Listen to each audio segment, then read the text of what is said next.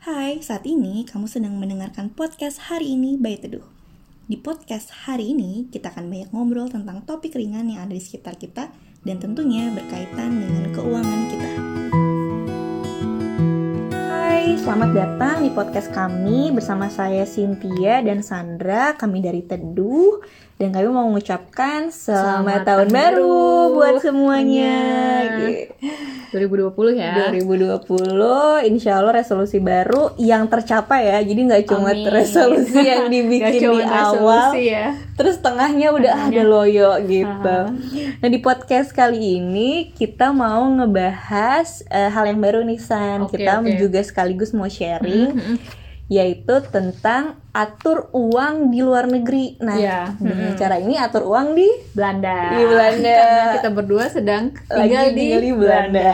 Iya, jadi supaya mungkin teman-teman juga tahu gimana Ah. sih eh, sebenarnya kita Hmm. mengatur uang di Hidup Belanda di negeri orang. di negeri orang. Padahal kita juga masih punya kebutuhan ya saya Iya, di mm-mm. Indo juga So- masih ada banyak yang dibayar tuh. Iya, betul. BPJS juga harus dibayar loh. Kita masih bayar. Tetap bayar. masih tetap bayar. Jadi masih ada kebutuhan rupiah gitu. Dan juga cicilan-cicilan lainnya cicilan ya. lainnya ya bener-bener kalau ada yang masih punya cicilan gitu tetap juga harus dibayar. Nah kalau kamu sendiri San sebenarnya udah berapa lama sih tinggal di Belanda? Kalau aku sendiri kurang lebih hampir satu setengah tahun sih kayaknya sih mbak. Satu setengah Ah, tahun ya, lumayan ah, lah ah. ya. Kalau mbak sendiri Eh, hampir empat kayaknya ya. lebih lama ya. lebih lama sedikit ya sedikit, lebih lah ya lama sedikit ya. lebih Oke. lama. Nah menurut kamu nih eh, di pengalaman kamu selama Hmm. satu setengah tahun sebenarnya tinggal di Belanda tuh mahal nggak sih? bisa dibilang mahal, bisa dibilang juga nggak terlalu mahal karena ada beberapa hal yang kayak ternyata di Indo nilainya cukup fantastis kayak misalnya biaya pendidikan, tapi sedangkan di sini walaupun saya belum memiliki keturunan dari beberapa ibu-ibu bilang kalau murah banget katanya. Murah karena gratis, Bu. Ah, gratis ya. Karena sekolahnya gratis, Ah, betul. So, jadi biaya pendidikan emang di sini gratis ya. Iya, jadi ha. memang ada beberapa pengeluaran. Terus apalagi tuh San? apalagi ya yang bikin lebih murah itu mungkin ya kalau bagi saya karena kita sudah di Eropa kalau misalnya mau jalan-jalan ke negara tetangga tuh kayak oh kayak misalnya saya pergi ke Bandung atau saya pergi ke Jogja gitu walaupun itu jauh udah ya. ah, walaupun itu udah beda negara Udah beda negara, tapi sebenarnya deket Ah, ah, gitu. ah, jadi betul, lebih deket. murah lah ya. Mm-mm. Terga- eh, tergantung kita tujuannya ke mana Mana. gitu. Jadi sebenarnya aku juga setuju sih San. Memang kalau kita ngomongin mahal nggak sih? Iya bisa dibilang iya dan juga bisa dibilang enggak. Makanya nih di podcast kali ini kita mau ngebahas gimana sih kita bisa survive di sini atur uang Mm-mm. dengan penghasilan ya kita kan juga namanya masih pelajar Iya ya. sih, mahasiswa. Suami masih mahasiswa, eh, jadi duit juga segitu-segitu aja. Gimana caranya supaya kita bisa memenuhi kebutuhan keluarga dengan baik. Nah, Iya, betul tipsnya apa nih biasanya yang bisa kita lakuin nih untuk hemat de- dari kita terima gaji nih supaya mencukupi kebutuhan satu bulan. Biasanya kamu apa tuh? paling berasa itu kalau seandainya kita masak sendiri di rumah Hmm, karena betul, kalau betul. misalnya makan di restoran tuh harganya wow Wow ya. ya harganya wow jadi ya kalau untuk bahan-bahan awal-awal saya selalu convert ke rupiah gila ini mahal banget ini Iya. mahal banget ini segini cuma segini berapa euro hitungannya udah Iya. ratusan ribu Daun bawang ya bu. dan Daun tujuh bawang ribu eh, ya 17 ribu ya, 17 ribu luar biasa. 17.000. Tapi kalau di euroin tuh mungkin sekitar satu euro doang euro, sih. ha. Tapi akhirnya kalau kita convert terus ya ke Iya. rupiah Lelah. jadinya lelah ya Hayati ya Lelah. gitu. Jadi memang nggak boleh ya Iya, sebenarnya. Ya udah, ya udah Terima terima, aja. aja dari Terima euro. aja. Kita bayarnya memang eh, penghasilan euro ya udah pengeluarannya di ha, euro.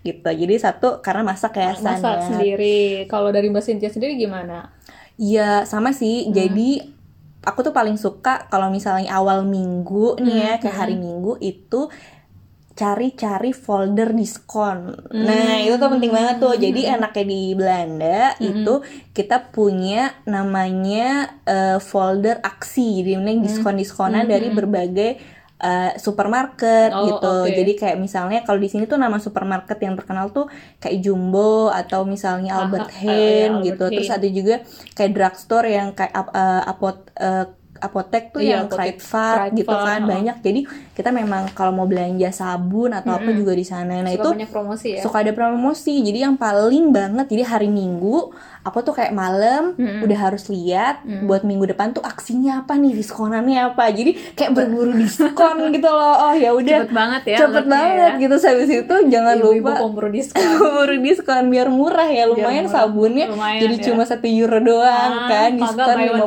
one. ya buy one kayak gitu Itu salah satu sih jadi kalau untuk yang kayak home care gitu ya Hmm. kayak misalnya sabun terus eh, sampo terus kayak buat eh, apa tuh baju gitu ya Oh San, baju, ya? iya. heeh. itu pokoknya buat caring itu ya biasanya kan kita beli di beberapa toko yang Hmm, udah paling cuma sat- eh, tiga lah tiga Hmm, toko yang hmm. biasa memang kita kunjungi Hmm. dan dekat dari rumah. Nah, Nah, iya. itu berarti udah langsung dilihat nih aksinya apa aja. Kita lagi butuh apa, Hmm. Eh, langsung cari aksinya di situ. Hmm, hmm, Terus kalau dari sisi makanan nih groceries, Hmm. memang eh, kita udah eh, deket dari rumah supermarketnya Hmm, apa hmm, hmm. gitu. Kamu tahu nggak kalau di eh, di salah satu supermarket itu Hmm. ada salah satu aksi dia tuh punya diskonan untuk makanan yang kurang fresh. Enggak, aku kurang Oh, tahu. kurang tahu ya. Oh, ini juga Ya, salah satu survival tips gitu. Gitu salah satu survival tips.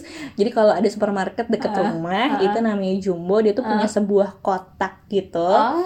Jadi semua barang kayak misalnya sayur Ah. gitu kan. eh, eh, kentang atau Hmm, apa hmm. itu dijual dengan harga 50 sen atau cuma satu euro Oh, doang. Nah, itu Oh. biasanya yang bentuknya udah kemasan-kemasan kecil Hmm, hmm. dia bilangnya sih kurang fresh tapi sebenarnya menurut aku tuh ya Hmm, masih masih- bagus masih aja ya. gitu masih Ha, bisa ha, langsung ha, dimasak langsung- gitu langsung jadi dimasak. itu mungkin bisa salah satu tips Hmm, tuh betul. kalau yang lain apa lagi ya Yang lain itu, nah karena sebagai manusia suka jalan-jalan ya, jadi biasanya kita udah tahu nih bakalan eh, tiket-tiket apa aja yang murah. Jadi emang nggak bisa yang di hari Buru-buru ya. ah buru-buru, apalagi kalau misalnya eh, pas lagi seasonnya liburan itu jangan harap eh, pesawat murah, Murah, ya. Ya mau nggak mau sih kita ambilnya ya jangan pas lagi di peak season aja gitu. Dan dari jauh-jauh hari Hmm, gitu. gitu. Iya bener. Mumpung memang kita salah satu keuntungan ya Hmm. kita tinggal di luar negeri saat ini kita tinggal di Eropa Hmm. di Belanda kita kan ya mau berhemat juga untuk bisa jalan-jalan ya San ya. Hmm. Kapan Maksudnya, susah kapan lagi ya, kalau dari Indo, Indo, dari ke sini pesawatnya udah berapa gitu. Kalau dari sini mungkin lebih murah kita naik bis ya mau ke Jerman tinggal Iya, naik, bisa bis. naik bis, Jadi uh, pilihan transportasinya juga lebih murah, beragam, Beragam. gitu. Dan memang salah satu tipsnya memang uh, kalau kita mau traveling ya kita harus dari jauh-jauh hari ya dari menentukan jauh-jauh tanggal hari. Mm-mm. menentukan tanggal jadi uh, untuk biaya transportasi jadi jauh lebih, lebih murah. murah. Terus akomodasi pun juga lebih murah juga sih. Gitu. Oh, sama satu lagi eh salah satu tipsnya juga kalau misalnya mau makan ketika traveling itu nggak apa-apa. Maksudnya ya kita pengen nyobain juga lah ya misalnya makanan di sana seperti apa.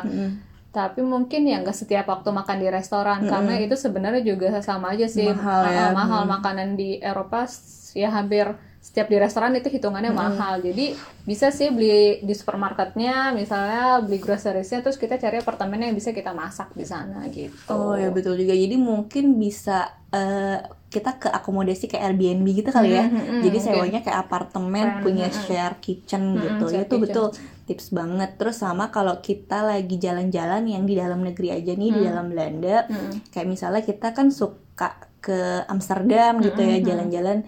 Eh, kalau saya nih sama keluarga memang suka banget tuh jalan-jalan ke museum. Hmm, hmm, hmm. Jadi salah satu tips dari kami adalah eh, memang untuk keluarga family ini museum di Belanda tuh bagus banget. Hmm, banyak dan banyak banget. Dan banyak banget. Bahkan kalau yang aku baca itu sampai ada 400 museum san. Hmm.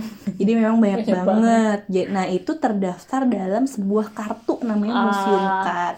Dan itu kalau dipikir-pikir daripada kita beli ketengan nih Iya, tiap datang ke museum, datang. Jadi mendingan lebih murah pakai itu. Jadi salah satu tipsnya juga kalau emang udah tinggal di Belanda, Mm-mm. hiburannya yang murah itu adalah bisa investasi di di awal lah bayarnya Iya. agak lebih mahal. Mm-mm. Tapi sebenarnya kalau dipikir-pikir, iya itu jauh lebih, Lebih murah, gitu heeh, ya. Murah banget. Murah banget Heeh, ya, bener. hitungannya setahun dan itu ada 400 museum. kan. Iya benar. Jadi si museum card ini berlaku selama satu tahun. Kita bisa ke museum apa aja yang terdaftar. Jadi kalau kita aku sempet nih iseng eh, akhir tahun itu ngitungin sebenarnya eh, kalau aku beli itu kan uh, si museum card itu dan aku pergi ke beberapa museum itu walaupun nggak tiap bulan Mm-mm. itu tuh berapa sih diskonnya gitu ternyata kok bisa hemat sampai 60% persen Ih, gede banget sih gede itu. banget Nah, kan nah. saving nah abis itu kalau kita jalan-jalan ke museum kita juga bisa untuk seperti yang kamu bilang tadi Hmm. ngomongin soal makanan kan Mhm. kita bisa bawa bekal dari rumah Oh iya, itu kayaknya penting emas ya ya. emas ya jadi kan memang di kalau kita jalan-jalan tuh eh, kadang susah cari restoran. Tapi Iya. yang sesuai dengan kemauan kita Iya, dong kemauan. Kemauan kita dan kantong ya. Biasanya kan eh, sekarang kalau nggak eh, mahal banget ada tapi nggak sesuai yang kita, sesuai mau, kita mau, gitu. Jadi iya. akhirnya ya udah eh, beli aja eh apa bawa dari, Bawa rumah, dari rumah. terus nanti makan di sana itu Mm-mm, sih mungkin mm-mm. salah satunya yang kalau di di dalam Belanda kita biasanya ngelakuinnya kayak gitu Mm. ya namanya atur uang kalau di luar negeri ya gitu ya jadi Ah. pokoknya intinya kita Nah, Eh, kita pertama tuh kalau buat aku ya Heeh. pertama eh, sekali kita dapat gaji harus langsung bayar untuk kebutuhan pokok. mhm, mhm, mhm. Kebutuhan pokok yang paling kelihatan itu ya adalah sewa rumah, Hmm, iya itu sewa rumah, terus eh, asuransi, asuransi di sini asuransi kesehatan wajib ya asuransi Nah, kesehatan wajib. sampai maksudnya kita sampai dari Indonesia ke Belanda harus mendaftarkan diri kan Mm-mm. Mm.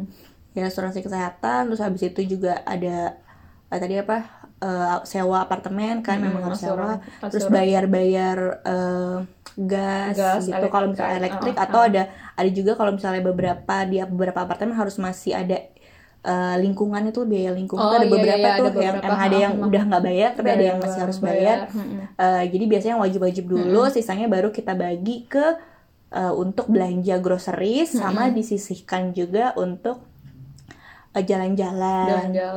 Terus bisa juga tuh kalau yang seru di sini ya untuk eh, berbelanja supermarket tuh suka ngumpulin poin Hmm. Nah, ya sih pernah nyoba nggak gitu. Jadi kalau misalnya kayak di supermarket kita suka ngumpulin poin, nanti bisa belanja misalnya panci dengan harga, Harga lebih murah ya, satu ha, tuh bisa. ha, ha. Terus yang kedua bisa kayak misalnya di uh, beberapa toko kita ngumpulin poin, terus nanti bisa ditukar barang apa gitu di akhir Hmm, tahun hmm, tuh hmm. dan voucher. Jadi tuh memang suka banget sih, banyak banget banyak banget sebenarnya cara Mm-mm. untuk kita bisa hidup berhemat apalagi di sini di Belanda terutama ya lingkungan komunitas Indonesia tuh banyak banget, Banyak banget, jadi iya. kita bisa saling informasi Eh, ya saling informasi. saling informasi Kasih terus tahu kasih tahu kalau ada yang masak yang apa lagi- kita datang aja Iya.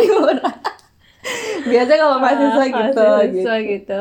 Sama ini sih perlu aktif juga cari informasi kalau misalnya kayak diskon dan lain sebagainya. Jadi kalau misalnya kitanya nggak proaktif, kita ya taunya harganya segitu. Padahal ada cara alternatif kita bisa dapat lebih murah. Kayak misalnya nih saya transportasi naik bis, saya bisa dapetin diskon sekitar 40%. Itu karena juga informasi dari teman-teman komunitas di Indonesia. Ini daftar ini aja dan alhamdulillah karena saya juga sering pakai bis. 40% itu gede sih sebenarnya bukan gede gede banget Gede gitu untuk- banget apalagi dong. untuk kita menghemat kan Iya gitu. betul. Iya jadi memang sebenarnya dibilang mahal cukup mahal, Mm-mm. tapi dibilang kita bisa survive ya bisa, karena Bisa. sebenarnya kita punya banyak tips yang Hmm, bisa kita gunakan. Jadi biasanya kalau misalnya teman-teman yang sekarang dengerin kita udah ada rencana mau ke Belanda tinggal, entah itu sekolah atau kerja, terus ngerasa sebenarnya mahal nggak sih? Enggak kok, tenang aja banyak teman-teman juga di sini yang akan bantu Mm-mm. untuk adaptasi lebih lanjut. Mm-mm, Jadi betul. kayak kira-kira gitu dulu kali Iya, ya. ha-ha. Untuk hari ini kita ah, berikutnya nih di podcast selanjutnya kita mau ngomongin soal atur uang tapi dari sisi Pemasukan. pemasukan gimana sih nambah pemasukan gitu. Jadi terima kasih ya sudah mendengarkan kita. Jangan lupa kalau ada informasi Maksudnya, lain, atau kemudian misalnya topik yang, ide-ide, uh, topik yang ingin kita bah- dibahas sama oleh kita Mm, uh, bisa ke mana San? bisa ke kontak at teduhmindful.com atau bisa langsung ke Instagram kita langsung DM aja. Iya, terima kasih. Terima Bye. kasih. Terima kasih kamu telah mendengarkan podcast hari ini by Teduh. Di episode berikutnya, kita masih akan ngobrol tentang topik menarik seputar kehidupan dan keuangan. Jangan lupa untuk sisihkan waktu buat dirimu